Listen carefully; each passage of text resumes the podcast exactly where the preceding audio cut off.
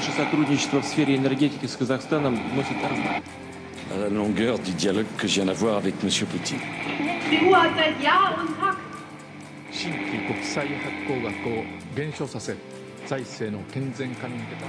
Símbolo del fascismo en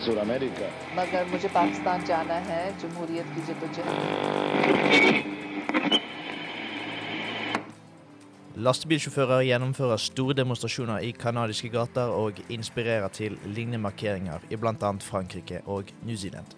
Dramatisk oljesøl utenfor Peru, Peru som følge av bølger fra vulkanutbruddet på Tonga. En tidligere amerikansk president er i hardt vær etter flere avsløringer.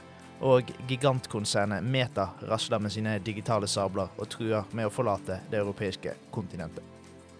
Det er fredag 18. februar, og klokken er 11.00. Noe som selvsagt betyr sylskarpe utenriksanalyser her fra oss i utenriksmagasinet MIR. Vi er altså studentradioen i Bergens utenrikspolitiske alibi. Og vi skal dekke alle disse nevnte sakene og flere, og gi dere lyttere en oppdatering på hva som har skjedd i vår store, vide verden. Mitt navn er Viktor Bottenvik, og med meg i studio i dag så har jeg bare min kjære kollega Magnus Røtnes. Så du kan mye om norsk politikk? Hva med Saudi-Arabia? Hva med UAE? Hva med Kuwait? Hva med eh, hele Latin-Amerika? Hva med hele Sør-Amerika? Hva med hele Asia? Hva med Japan? Hva med Kina? Hva med Russland? Hør på utenriksmagasinet MIR, og få med deg hva som skjer i resten av verden også.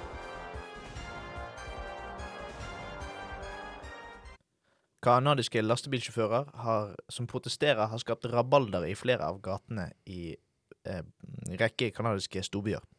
Og Bevegelsen de kaller seg selv Frihetskonvoien av eh, deltakerne selv, og protesterer hovedsakelig mot kor koronarestriksjoner og vaksinepass. Den eh, utløsende faktoren det var at det var krav for canadiske yrkessjåfører å være vaksinert for å krysse den canadisk-amerikanske grensen. Og disse sjåførene da tok til, til motmæle og eh, kjørte bilene sine inn i, i flere gater, annet i Ottawa, Ontario og diverse. Og har bare klogget opp eh, gater og, og ja, skapte et stort rabalder. Men eh, vi nordmenn vi ser jo gjerne Canada som et sånn samlet og rolig land, men her er det altså absolutt sterke fronter mot hverandre, Magnus. Hva, hva er det som skjer, egentlig? Det er egentlig veldig rart, for det er ikke noe som vi som eh, naboer på tvers av Atlanterhavet ser på som veldig sånn typisk kanadisk. Det er eh, veldig, veldig fokus på eh, misnøye mot politikere og misnøye mot, mot pandemitiltakene, da. Spesielt eh, disse vaksinepassene. Det har vært en veldig viktig faktor, og vi har sett at det har kommet ganske store konsekvenser av denne bevegelsen allerede. Men det som er veldig interessant, er jo at dette her har en sånn veldig sånn amerikansk uh, flair over seg. Altså Det virker veldig som at dette er tatt rett ut ifra amerikansk politikk og satt i, i Canada. da. Um, og det er tydelig at dette er et etterspill etter valgkampen som var nå i høst. Eh, for da stilte jo Justin Trudeau eh, til valg igjen for å prøve å bli Canadas statsminister for en eh, periode nummer to. Og det klarte han akkurat med så å si minst mulig flertall i, i parlamentet i Canada. Men retorikken han brukte, var veldig, veldig tung.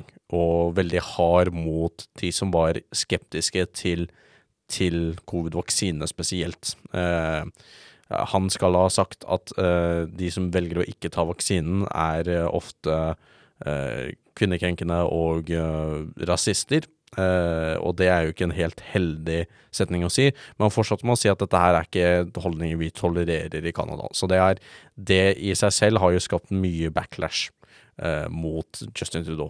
Men du nevner denne amerikaniseringen. Mm. Det er jo, Vi ser, har jo sett at det vaier sørstatsflagg og andre sånn typiske amerikanske slagord Ja. i disse konvoiene her.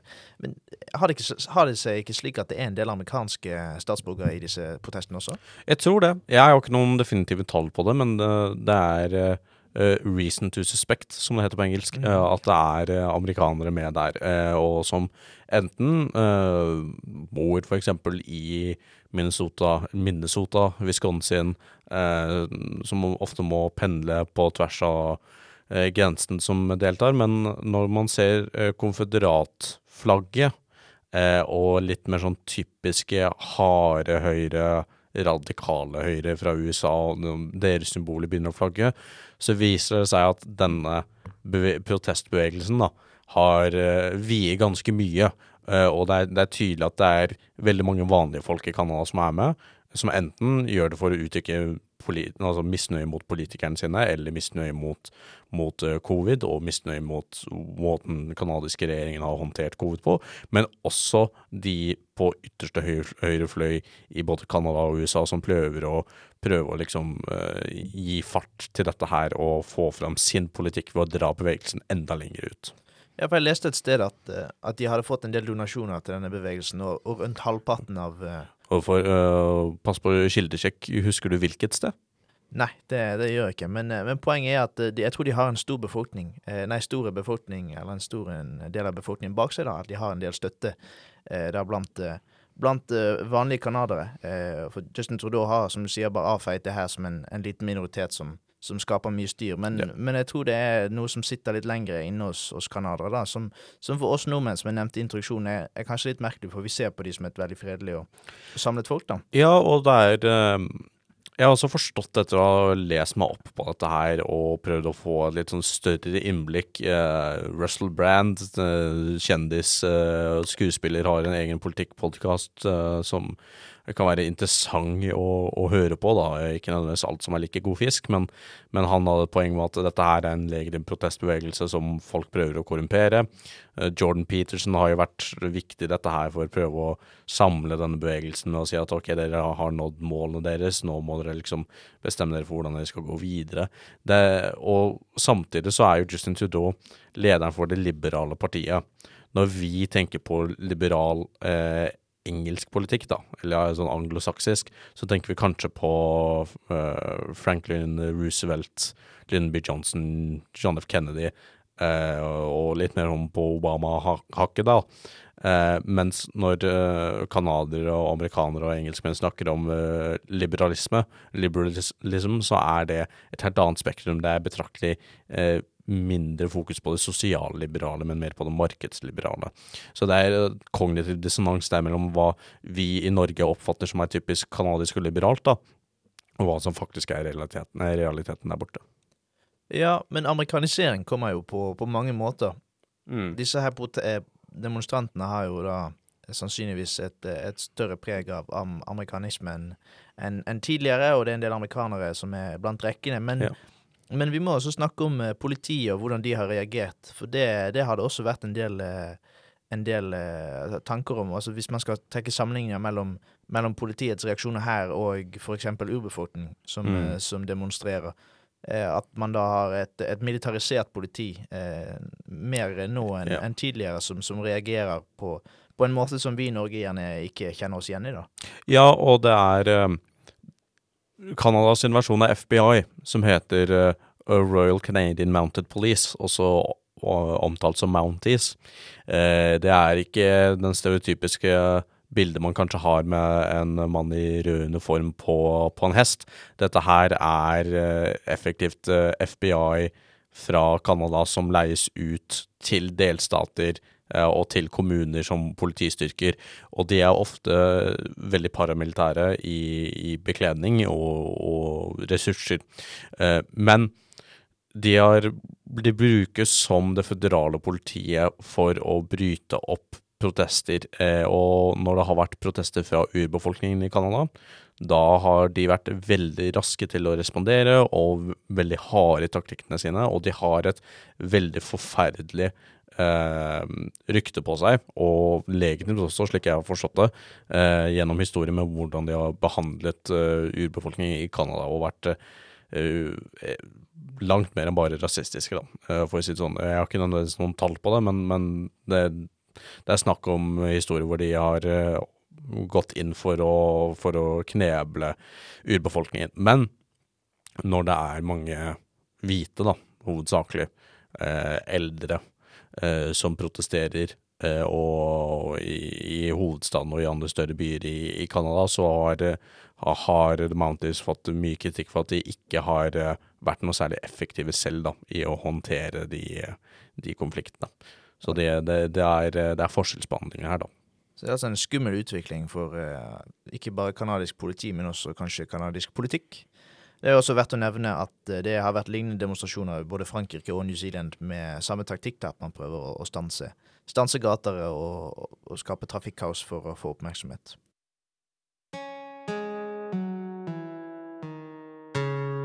Hei, jeg heter Leiv Marsheim Trede. Jeg er instituttleder på Institutt for samling og politikk. Du hører nå på utenriksmagasinet MIR. Vulkanutbruddet på Tonga utløste enorme katastrofer på øystaten. Massive ødeleggelser og et askelag som dekker den ellers urørte naturen, har vært noen av konsekvensene av denne voldsomme naturkatastrofen. Men på den andre siden av Stillehavet så har bølgene fra vulkanutbruddet ført til at det italienske tankskipet Mare Doricum har lekket ut store mengder olje. Og Peruanske myndigheter har jobbet på spreng sammen med miljøvernorganisasjoner for å rydde opp sølet. Det peruanske justisdepartementet har også gått til sak mot spanske Repsol, som eier oljeraffineriet der eh, tankskipet eh, skulle legge til. Og ikke minst fire to av toppsjefene i firmaets peruanske arm, altså Repsol sitt eh, peruanske arm, som har blitt nektet utreise fra landet de neste 15, eh, nei 18 måneder som følge av etterforskningen. Så det er altså alvorlige saker. Men det er jo også ikke bare en ustabil miljøsituasjon, men også en veldig ustabil politisk situasjon. For den nåværende regjeringen det er altså den fjerde på bare seks måneder, og også et uttrykk for eh, Perus eh, lange politiske krise som har vart eh, vel i, siden 2017, da med denne her altså kjente peruanske politikeren Fujimori, som, som var i, ute i hardt vær. Men så da er spørsmålet Magnus, hva, altså, hva, hva, er det som skjer i, i Peru, og hvor Ja. Der Peru er på mange måter ganske like, altså likt som nabolandene sine i Colombia, Ecuador, og Bolivia og, og, Chile, med at de har hatt autoritære ledere i fortiden. Og overgangen til å bli et demokrati har vært vanskelig. Det, det ser vi nå, med at det er vanskelig å finne kompromisser, eh, og eh, et politisk system som ofte blir laget for å passe på at det ikke kommer en sterk mann til makten igjen, eh, kan også skade det nye politiske systemet i at det ikke blir noe stabilitet i det. Det er bare å se til Italia, for eksempel, som er som Det ser ut som Peru begynner å etterligne mer og mer, med hyppige regjeringsskifter og veldig usikkert hvem det er som faktisk sitter på toppen, da. Men eh, det er etter at eh, Alberto Fujimori, eh, en eh, Alberto er den tidligere diktatoren, som ble kastet etter eh, en antikorrupsjonsbevegelse, eh, tvang han vekk fra makten i Peru. Eh, og om jeg ikke husker feil, så har datteren hans prøvd å bli president for å videreføre hans agenda. Eh, han har blitt satt i husarrest, i det minste, mens de venter på at eh, han skal ha rettssaken sin. Det har vært mye rabalder og veldig lite substans da i den politiske utviklingen i, i Peru. Men det har resultert i, da, som du sier, eh, flere regjeringer på bare seks måneder. Og det er, for oss i Norge er jo det ganske utrolig. Eh, før så var det jo kanskje mer vanlig å bytte en regjering under eh, en stortingsperiode fordi man fikk mistillit mot seg, og så kom det en ny mindretallsregjering. Men fire regjeringer på seks måneder er ganske utrolig. Det er hyppig utskiftning, og det bidrar ikke akkurat til tillit til politikerne. Nei, det kan du trygt si. Og uh, som du nevner, en, mange av disse søramerikanske landene har jo disse politiske dynastiene. Eh, Argentina har det, Chile har det, og, og Peru ikke minst.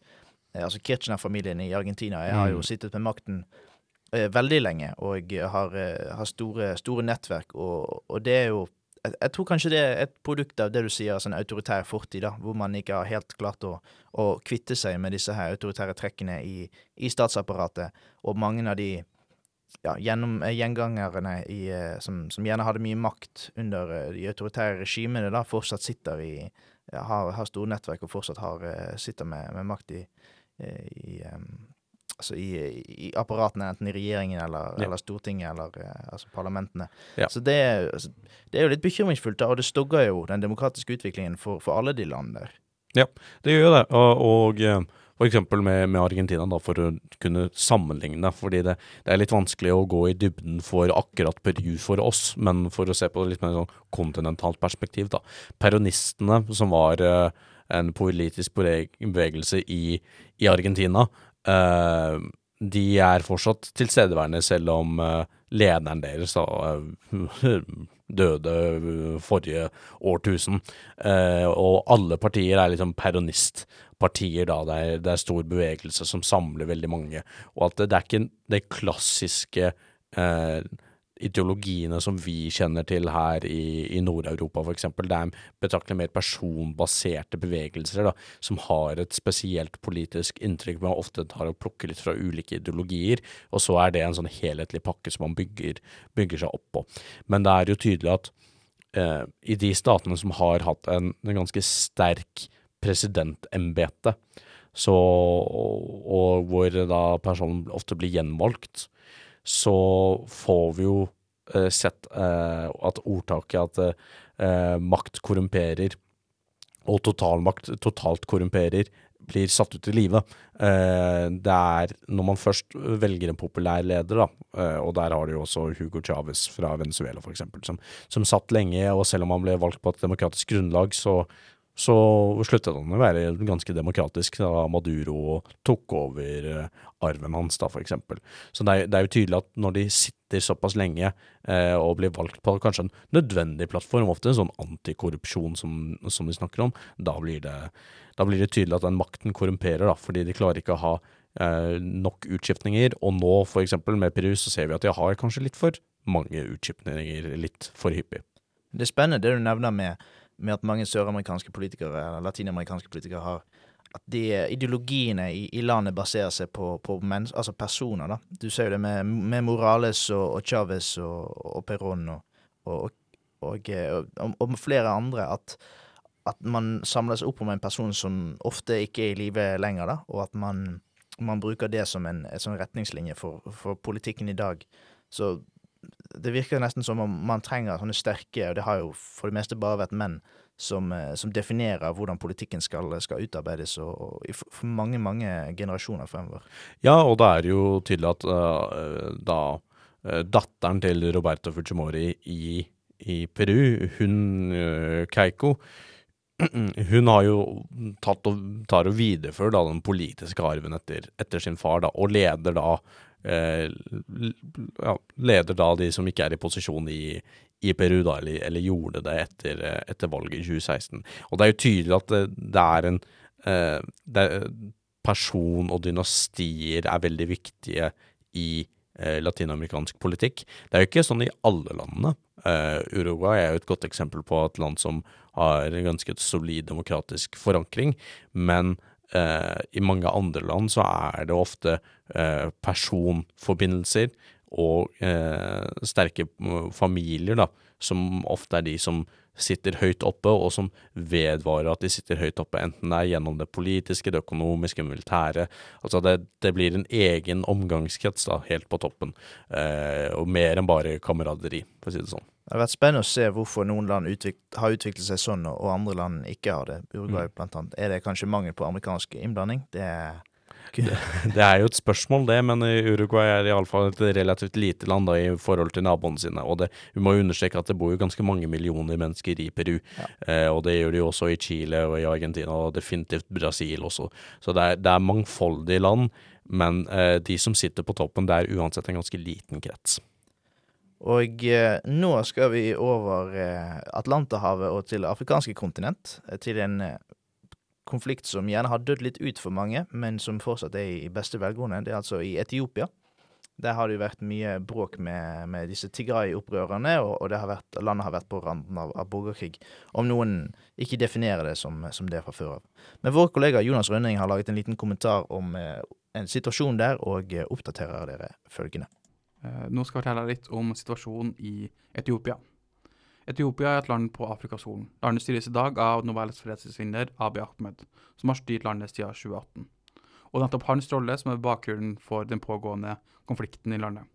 Abiy styrer etter et mål om å ha større fokus på politisk utvikling, og ikke på etnisk tilhørighet.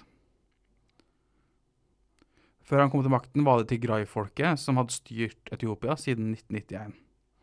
Eh, som var slutten av forrige borgerkrig. Bakgrunnen for borgerkrigen som igjen starta opp i november 2020 mellom Tigray-folkets frigjøringsfront og de nasjonale myndighetene styrt av Abiy, er gjennomføringa av et lokalvalg i Tigray som de nasjonale myndighetene ikke anerkjenner, da TPLF vant. Abiy ville ha valget utsatt pga. koronapandemien, på lik linje med eh, parlamentsvalget som ble utsatt et år. Etter lokalvalget i Tigray i 2020, som TPLF vant, angrep de militærleirene til sentralmaktene. Abiy reagerte sterkt på det her og så det her som en krigserklæring, og sendte inn nasjonalmilitæret for å angripe eh, TPLF. Et land i unntakstilstand. Krigføringen fortsatte der regjeringsstyrkene fikk støtte av nabolandet Eritrea, og de brukte droner bevisst i angrepet mot eh, Tigray-befolkninga. Abiy og regjeringsstyrkene var lenge på offensiven, men ble også beskyldt for å drive med da, mot eh, Tigray-folket, som utgjør kun 6 av befolkninga i Etiopia.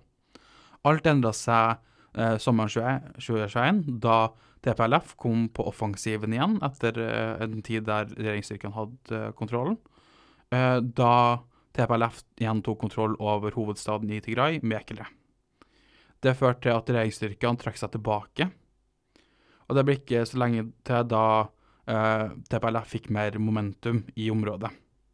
De kom med trusler om at de ville marsjere inn i, eh, i hovedstaden Addis Adeba. Det førte til at parlamentet i starten av november 2021 innførte eh, en seks måneders unntakstilstand i Etiopia. Det ga sentralmyndighetene mulighet til å arrestere tigraiere uten grunn. Regjeringsstyrkene førte etter dette en sterk offensiv som allerede i desember eh, 2021 førte til at TPLF trakk seg tilbake. Dermed foreslo regjeringa i januar å oppheve denne unntakstilstanden, som eh, ble vedtatt av eh, parlamentet den 15. februar. Altså varte unntakstilstanden i, i overkant av eh, tre måneder. Ser vi en løsning i Etiopia? Det er fortsatt eh, en unntakstilstand i Etiopia og Tigray, selv om det ikke er det på papiret, da det er en humanitær krise. Der over to millioner mennesker er internt fordrevent, og det er en pågående sultkatastrofe. Regjeringa blir beskyldt for å bruke sult som strategi i krigen, og både regjeringa og Tigray-militsen eh, blir beskyldt for grove brudd på eh, menneskerettighetene. FN sier at unntakstilstanden også har ført til en humanitær blokade av Tigray og områdene rundt. Nå virker det som at eh, ting går veldig frem og tilbake, men at det er Abiy Ahmed og regjeringsstyrkene som har eh, kontrollen. Det meldes om at det fortsatt drives med droneangrep mot sivilbefolkninga i Tigray. Uroen sprer seg til andre regioner som Afar. Det kan virke som at Abiy Ahmeds plan om å sette mindre fokus på etnisitet og mer fokus på politiske reformer har feila, da det nå er enda større fokus på etnisitet enn tidligere, og han sjøl driver eh, og angriper etniske minoriteter i Nord-Etiopia. Kun for å holde kontrollen på landet.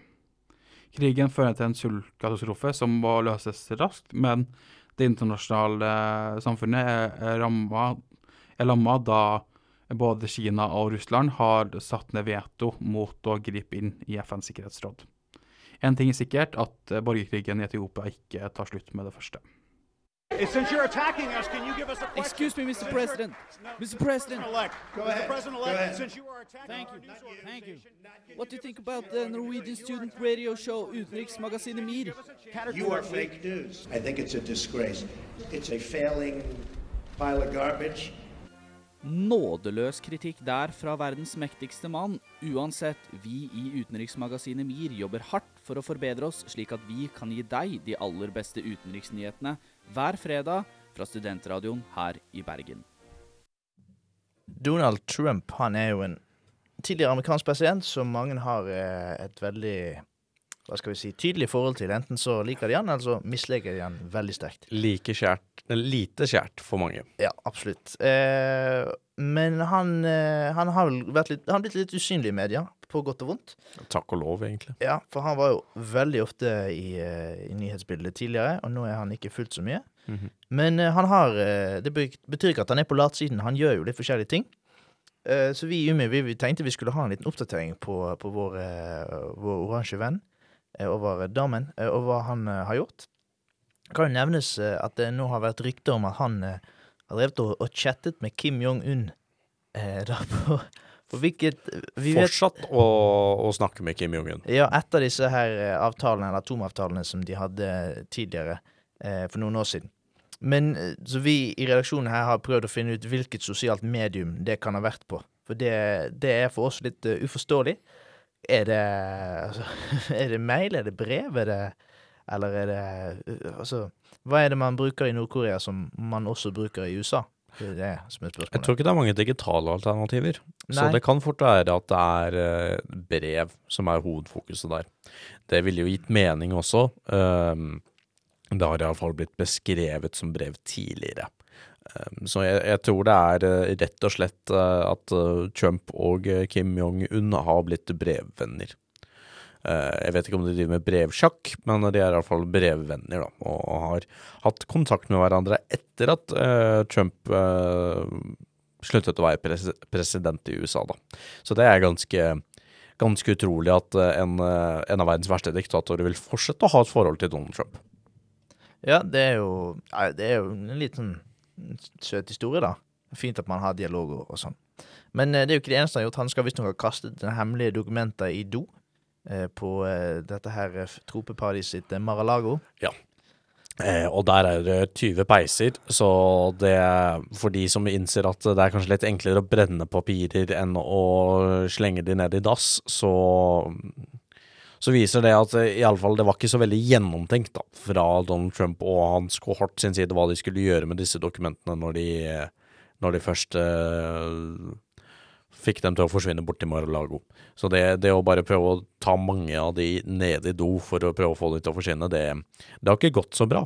Og det, det verste var jo at det er jo tydelig eh, dokumenter som det, der står i rød skrift 'Top Secret' fra Pentagon og fra, fra Det hvite hus, da, som, som de har hatt på Mar-a-Lago.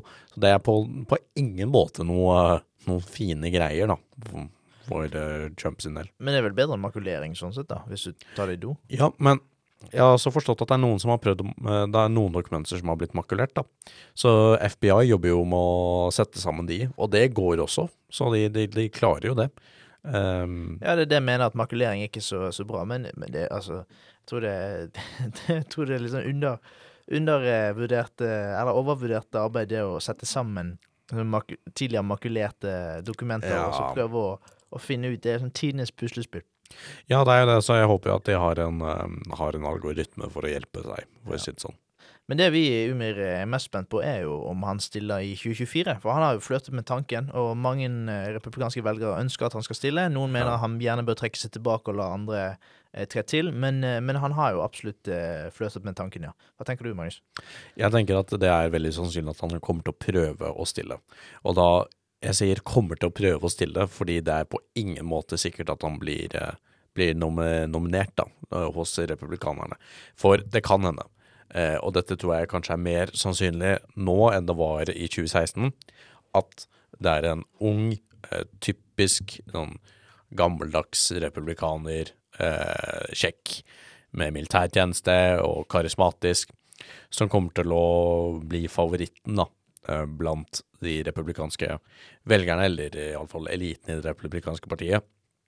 Eh, Så når det kommer til å bli debatter mellom denne vedkommende da, og Donalden, så kommer de til å si at vi vil jo egentlig ikke ha Donald, eh, og velger dermed den andre kandidaten. Eh, og det er litt enklere nå enn i 2016, fordi da, da var den andre kandidaten Ted Cruz. Så det var liksom pest eller kolera. Men nå eh, tror jeg at om Trump ikke får den republikanske nominasjonen, som er mer og mer sannsynlig, fordi jeg tror det republikanske partiet innser at han har gjort sin nytte, vi dette skader oss mer nå enn det vi er eh, komfortable med, så kommer han til å starte, eller starte en egen kampanje da, og stille som en independent. Og prøve å komme såpass høyt oppe på mål- meningsmålingene at han kan delta på, på debatter. Men det det kommer til å gjøre, er eh, etter min mening den klassiske at man splitter opp en fløy i to, sånn at eh, den andre fløyen kommer til å vinne. Ergo demokratene. Så jeg tror eh, om Donald Trump stiller, og det blir at han ikke får nominasjon og han fortsetter å stille, veldig tydelig at demokratene kommer til å vinne neste presidentvalg også. Men det er jo helt annerledes fra å vinne Huset eller vinne Senatet.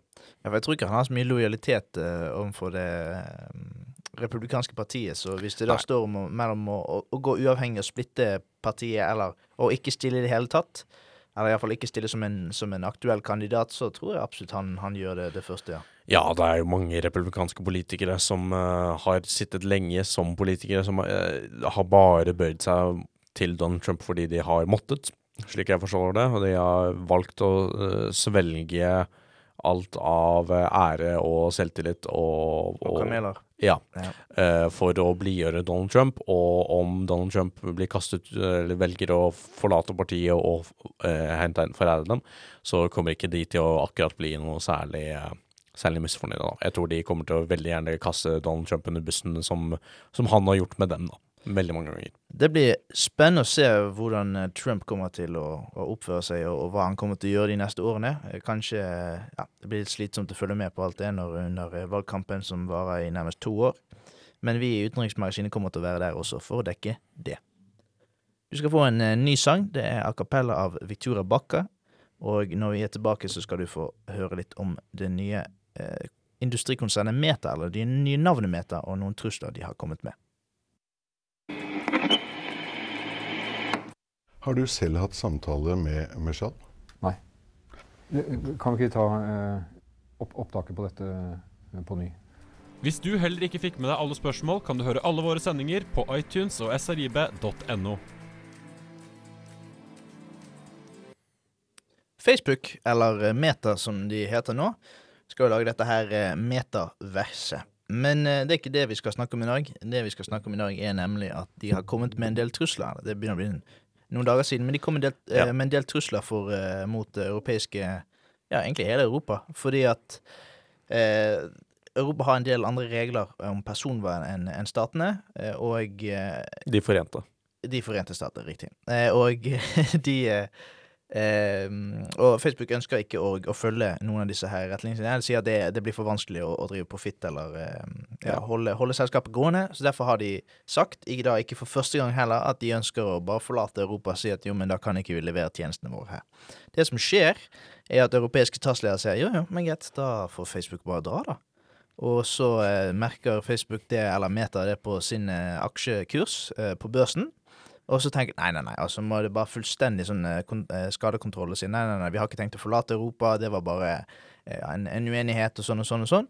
Og så har de egentlig gått eh, sin kanossagang for å prøve å bevare det europeiske markedet og aksjekursen sin, ikke minst. Men dette her forbrukervern, eller personvernaspektet, eh, ja, hva, hva er det som er aktuelt her, Magnus? For det er EU er mye flinkere på å beskytte EU- og EØS-borgere, det inkluderer da oss her oppe i lille Norge, eh, sine in rettigheter på internettet. Det vil si altså den eh, informasjonen som vi legger igjen eh, hos Facebook, hos YouTube, hos Google, overalt, det er, det er, det er personinformasjon på, på mange måter. Eh, og EU ønsker å beskytte den i mye større grad, sier at det er ikke alt der som man kan bruke videre. Men det Facebook gjør, og det er hele, hele forretningsmodellen til siden Facebook, og til Instagram for den saks skyld, det er å selge reklamer. Så det de gjør er, og dette er de jo egentlig verdensmestere på, de har laget algoritmer som analyserer de persondataene dine, alt fra hvor du befinner deg, til hva du har sett på, til hva du har eh, altså, Enten det er videoer, eller det er annonser, eller det er du, du har gått inn på ikea.no og skulle se etter en liten greie der, så vil du få opp reklame på det. De tar denne informasjonen og selger den videre til eh, annonsefirmaer, som lager da mer skreddersydd eh, annonser til deg. Eh, og dette gjør de gjennom cookies. Men for å kunne gjøre dette, så sender de all den personverndataen til USA. Og det er her eh, den store clinchen mellom, eh, mellom Meta og Facebook og eh, EU er. Fordi EU vil at de skal lagre den dataen i EU for EU-borgere. Altså, så, så alle de 300 millioner menneskene i, i Europa, eh, de dataene som de etterlater seg på Facebook og på Instagram, skal forbli i Europa. De skal, skal ikke bli sendt over Atlanterhavet til De forente stater, hvor, hvor eh, personvernsbeskyttelsene er betraktelig mindre, og de har større rettigheter og muligheter til å selge den informasjonen videre. Og for Facebook sin del så er jo dette her liksom Nå må vi sette hardt mot hardt, fordi dette er finansieringsmodellen deres. Det er jo hele det grunnlaget de baserer seg på. Um, og det er jo alt fra liksom algoritmer til hva du bør sjekke ut neste gang, til hva du, kan, hva du bør kjøpe. Uh, så derfor sa de at nei, vet du hva, vi, om dette skjer, så trekker vi oss ut av Europa. Men de tenkte jo ikke jeg tror, jeg, jeg tror ikke det ville få så mye backlash da, på, på børsmarkedet. Og det at europeiske ledere satte hardt mot hatten, så det var greit, fint. Facebook er en landeplage, det. Så det, vi, vi, vi, trenger ikke det. Det kan hende at landet vårt blir faktisk bedre uten Facebook. Da, da ble det konflikt mellom profittjag til Facebook, eh, hva de har i ansvar til investorene sine, og oppdraget sitt. For det er ganske interessant, for Facebook og Meta de er eh, det er som en kult. De er helt overbevist om at det de gjør om å knytte folk sammen, altså interconnectivity, og det er derfor de lanserer metaverset, er liksom deres hellige oppdrag. De skal eh, gi det til hele verden, så at hele verden kan, kan knytte seg sammen på deres private plattform. Ja, det er sikkert veldig nobelt uh, oppdrag, det, da. Eller iallfall uh, en baktanke, det. Mm -hmm. Ja, uh, jeg må bare sånn, sånn personlig at det jeg vet ikke, Dette metaverset her, hvordan Facebook presenterer det og jeg vet ikke, jeg ser ikke hvordan det har noen fremtid. Men, eh, men jeg synes iallfall det er kjekt at Europa, eller europeiske ledere, har, har klart å De har litt ryggrad, da. I motsetning til kanskje noen amerikanske, hvor de da sier at uh, ja, de stiller krav til ikke bare Facebook, men andre industrikonsern. Eksempel å samkjøre ladekabel for, uh, for alle diverse altså mobile enheter. Ja.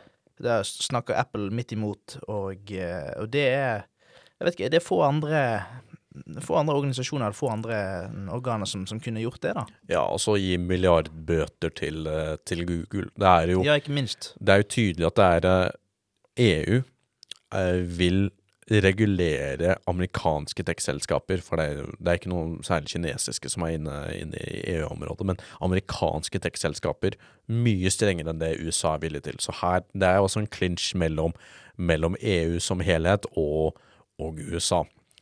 Men det er jo tydelig at man ønsker eh, man, Eller man ser tydeligere de negative sosiale effektene da, av Facebook og Meta og, og Google for den saks skyld, og YouTube og, og, Amazon og Apple og hele pakka eh, i EU, mens og i Europa generelt, mens i USA så er det profitten som er viktigst. Det er, det er, det er innovasjonen som er eh, Det må jo også sies at det er, det er veldig innovativt, alt det de driver med, men de gjør det jo for et profittjag som er, eh, er, veldig krevende å forholde seg til, da, spesielt når de baserer seg på så mye personvernopplysninger. Ja. Det var nok alt vi hadde tid for i dag. Meg og eh, Magnus Røtnes vi har eh, vært gjennom en rekke temaer, blant annet eh, i Peru. Vi har snakket om eh, vår alle kjæres Trump. Ikke minst en del demonstrasjoner i Canada som har ført til lignende demonstrasjoner i Frankrike og New Zealand men også Facebook og Meta, som vi snakket om nå, som har kommet med en del trusler mot europeiske ledere, og eh, da ønsker, eller ønsket å trekke seg fra det europeiske markedet. Det var nok alt vi hadde fra utenriksmagasinet MIR for denne uken, men vi er tilbake neste uke med nye temaer og nye analyser, og da håpes vi vi lyttes der. Ha en god helg.